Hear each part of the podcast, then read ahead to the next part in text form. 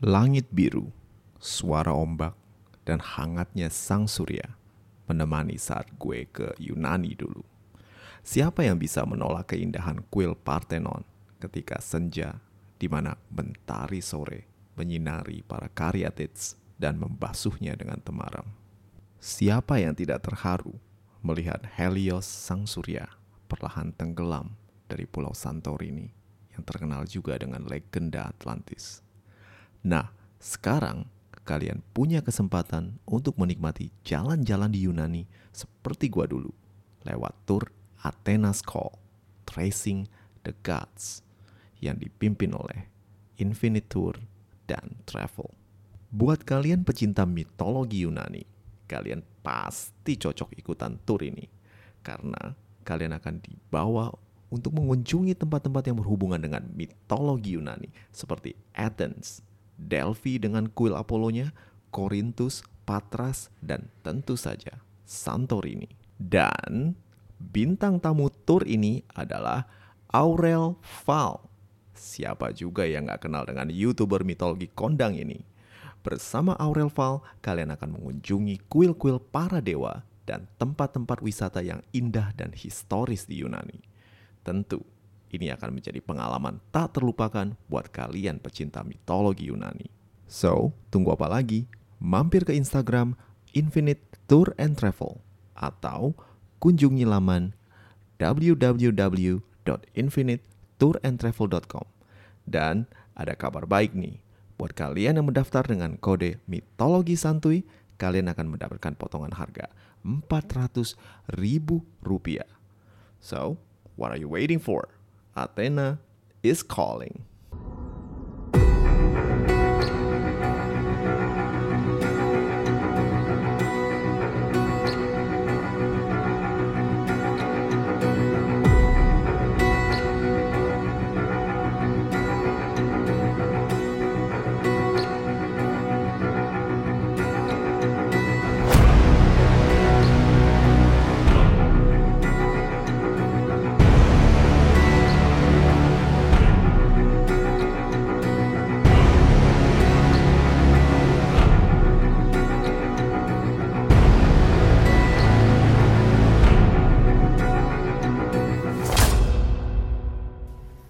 Nasib manusia adalah misteri.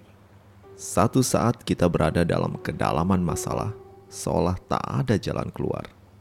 Namun, seketika saja jalan keluar itu muncul, dan kita berjalan keluar dari kegelapan menuju terangnya hari. Demikianlah yang terjadi pada Bellerophon, sang pangeran Korintus yang terbuang akibat tak sengaja membunuh adik tirinya serta difitnah hendak menodai istri raja yang menampungnya. Bellerophon dengan segala kehebatannya tetap berada di bawah kutukan dosa karena telah membunuh saudara dan melanggar hukum Senia, membuatnya berada di posisi pelayan atau budak di bawah raja yang berkuasa akan hidup dan matinya. Dan seolah telah cukup menderita, para dewa pun akhirnya tersenyum padanya identitasnya sebagai seorang putra dewata terkuat dan dari posisi pecundang, Bellerophon berhasil membuktikan ketidakbersalahannya. Keteguhan dan kejujuran Bellerophon berbuah indah. Ia mendapatkan haknya kembali sebagai pangeran Korintus, pewaris Likia, dan tentu saja nama baik serta reputasinya pun kembali pulih. Raja Iobates tak ingin membuang-buang waktu dalam menyatakan maksudnya. Setelah Bellerophon menyatakan kesediaannya untuk menikahi Philonoe dan menjadi pewaris Likia, Raja Iobates mengumumkan pernikahan Bellerophon dan putrinya ke seantero negeri dan ke kerajaan-kerajaan tetangga.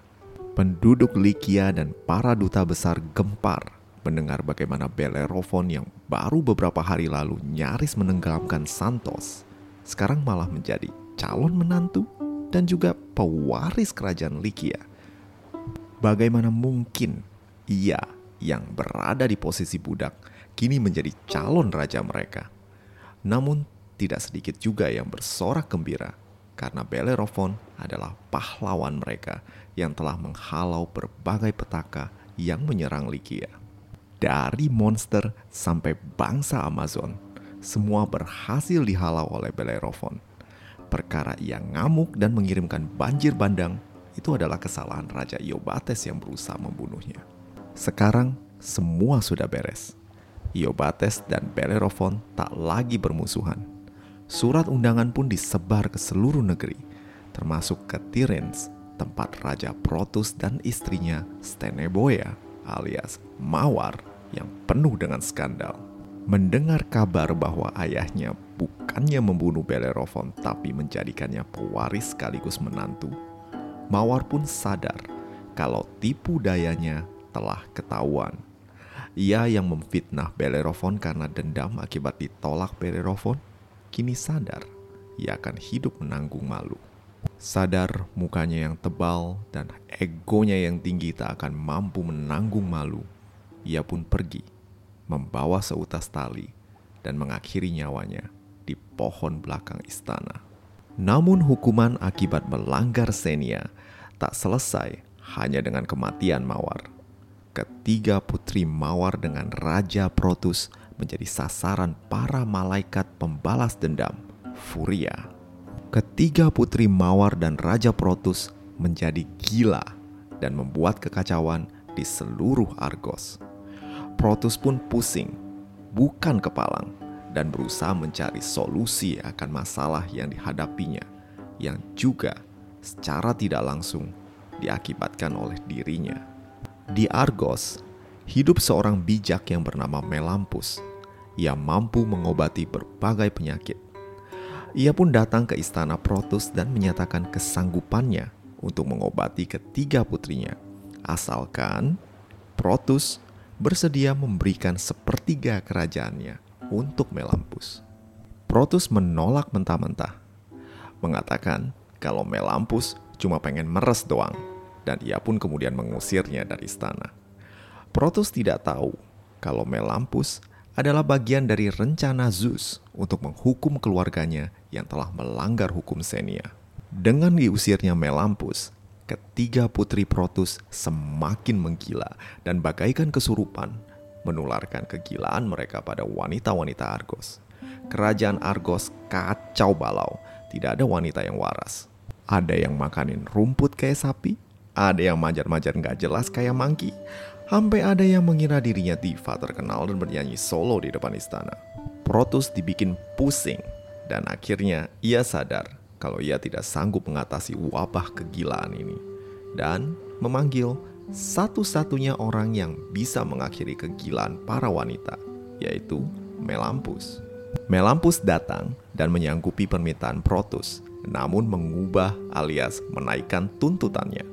Ia bersedia mengakhiri wabah kegilaan di Argos, asalkan ia diberikan sepertiga kerajaan plus sepertiga kerajaan lagi untuk Bias adiknya.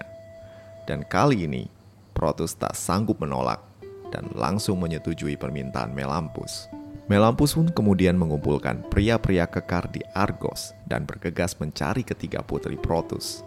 Melampus menemukan mereka tengah berteriak-teriak di padang ngajak ribut sama kawanan domba yang lagi ngunyah rumput. Melampus dan backingannya mengejar putri-putri Protus dengan tujuan untuk menyembuhkan mereka tapi mereka malah berlari sambil berteriak-teriak kesetanan, dan salah satu dari mereka tergelincir dan jatuh ke jurang sebelum sempat ditanggap untuk diobati. Sementara dua putri yang lain berhasil dipulihkan dan kembali waras. Melampus dan Bias, adiknya, kemudian menikahi kedua putri Protus. Happy ending? Well, not really. Setidaknya enggak buat Protus. Protus kelak akan tewas setelah melihat kepala Medusa yang dibawa oleh Perseus sebagai balasan akan perlakuannya terhadap Acrisius, kakek dari Perseus. Demikianlah akhir dari semua yang pernah menzolimi Bellerophon. Anyway, bagaimana dengan Bellerophon sendiri? Well, Bellerophon akhirnya menikahi Philonoe dan menjadi pewaris dari kerajaan Lycia. Walaupun demikian, kehidupan Bellerophon belum bisa dibilang aman tentram. Masih ada penduduk Lycia terutama penduduk ibu kota, yang menganggap Bellerophon adalah ancaman. Para penduduk ini belum bisa melupakan bagaimana amuk Bellerophon telah menghancurkan rumah mereka. Dan kini, kerajaan mereka berada di tangan sang penghancur. Namun para penduduk tidak bisa berbuat apa-apa karena takut akan kekuatan Bellerophon. Menyadari bagaimana pandangan para penduduk terhadapnya, Bellerophon berusaha memperbaiki image-nya. Bagaikan politisi kondang menjelang pemilu, ia mengadakan baksos, benah rumah, dan juga bagi-bagi sembako untuk para korban bencana yang diakibatkan olehnya. Segalanya ia lakukan untuk merebut kembali hati para penduduk, tapi tentu saja tidak semudah itu. Biasalah, orang akan lebih ingat satu kesalahan daripada banyak kebajikan, dan terkadang untuk mengubah hati populasi yang marah dibutuhkan ancaman terbaru.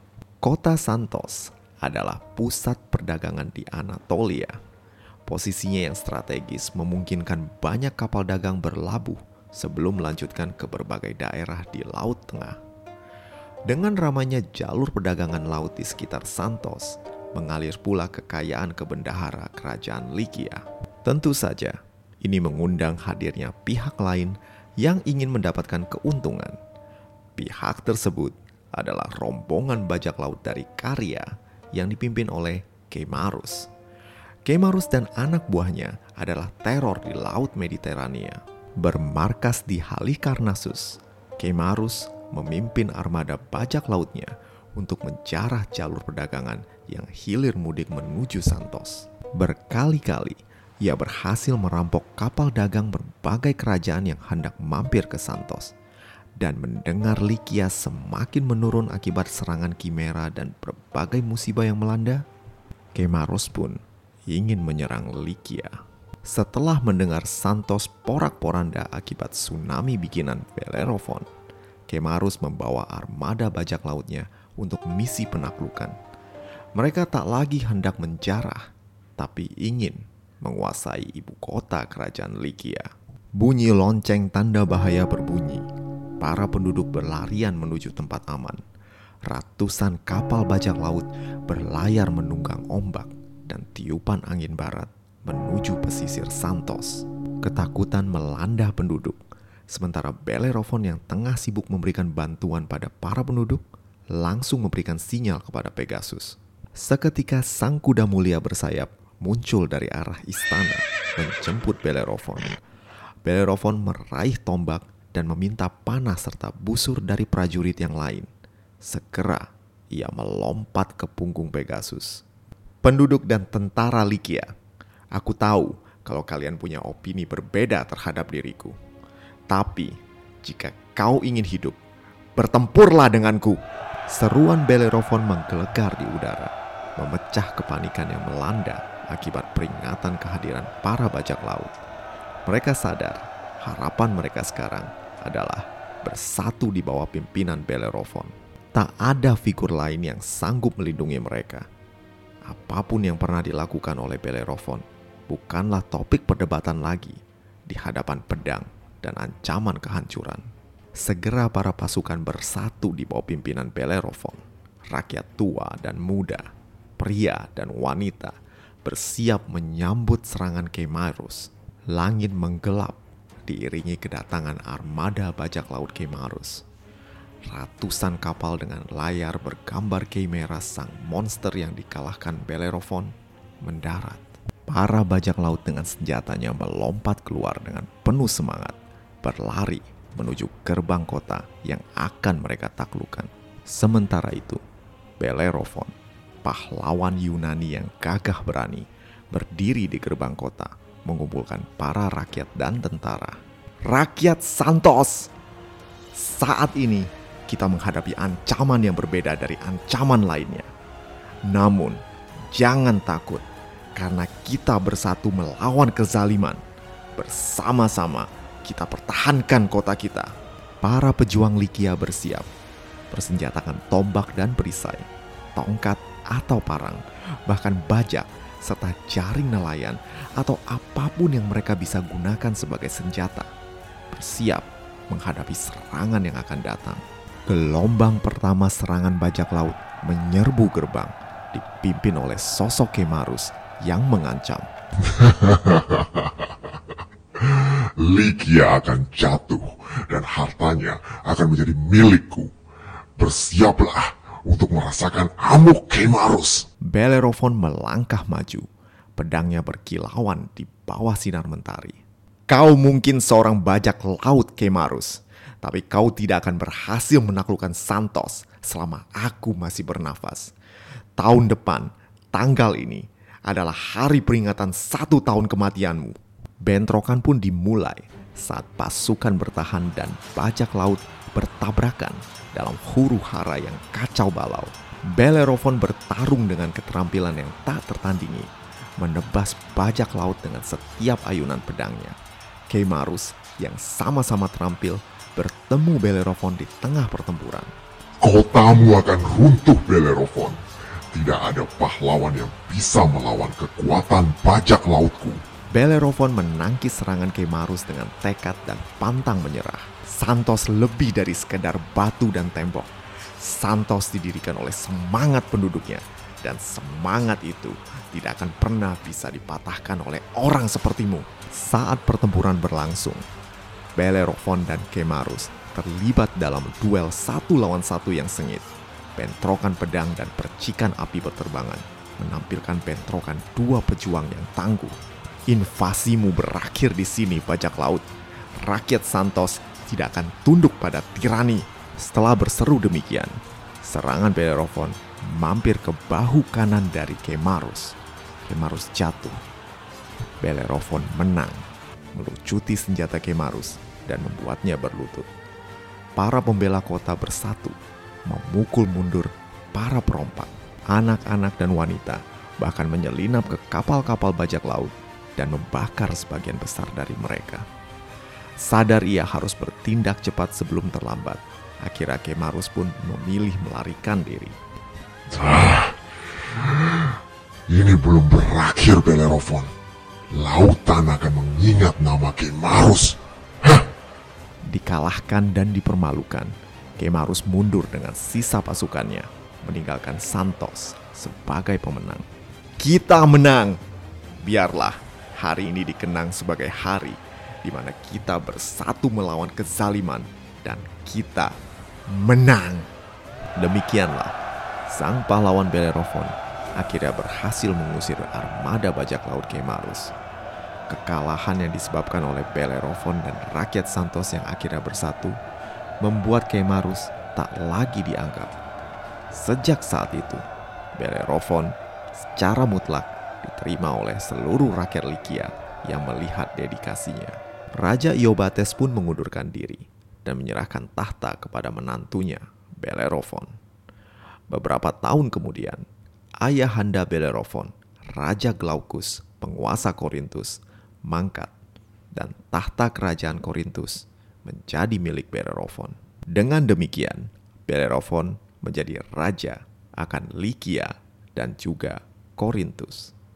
Hal ini menjadikannya raja paling berkuasa di seluruh Yunani dan Asia.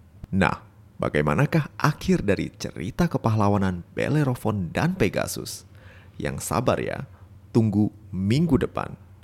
Gue mau ngucapin terima kasih buat teman-teman yang udah dukung podcast gue ini. Buat kalian yang kepengen dukung secara finansial, silahkan mampir ke laman traktir mitologi santuy yang tersedia di deskripsi episode. Udah dulu ya, ciao!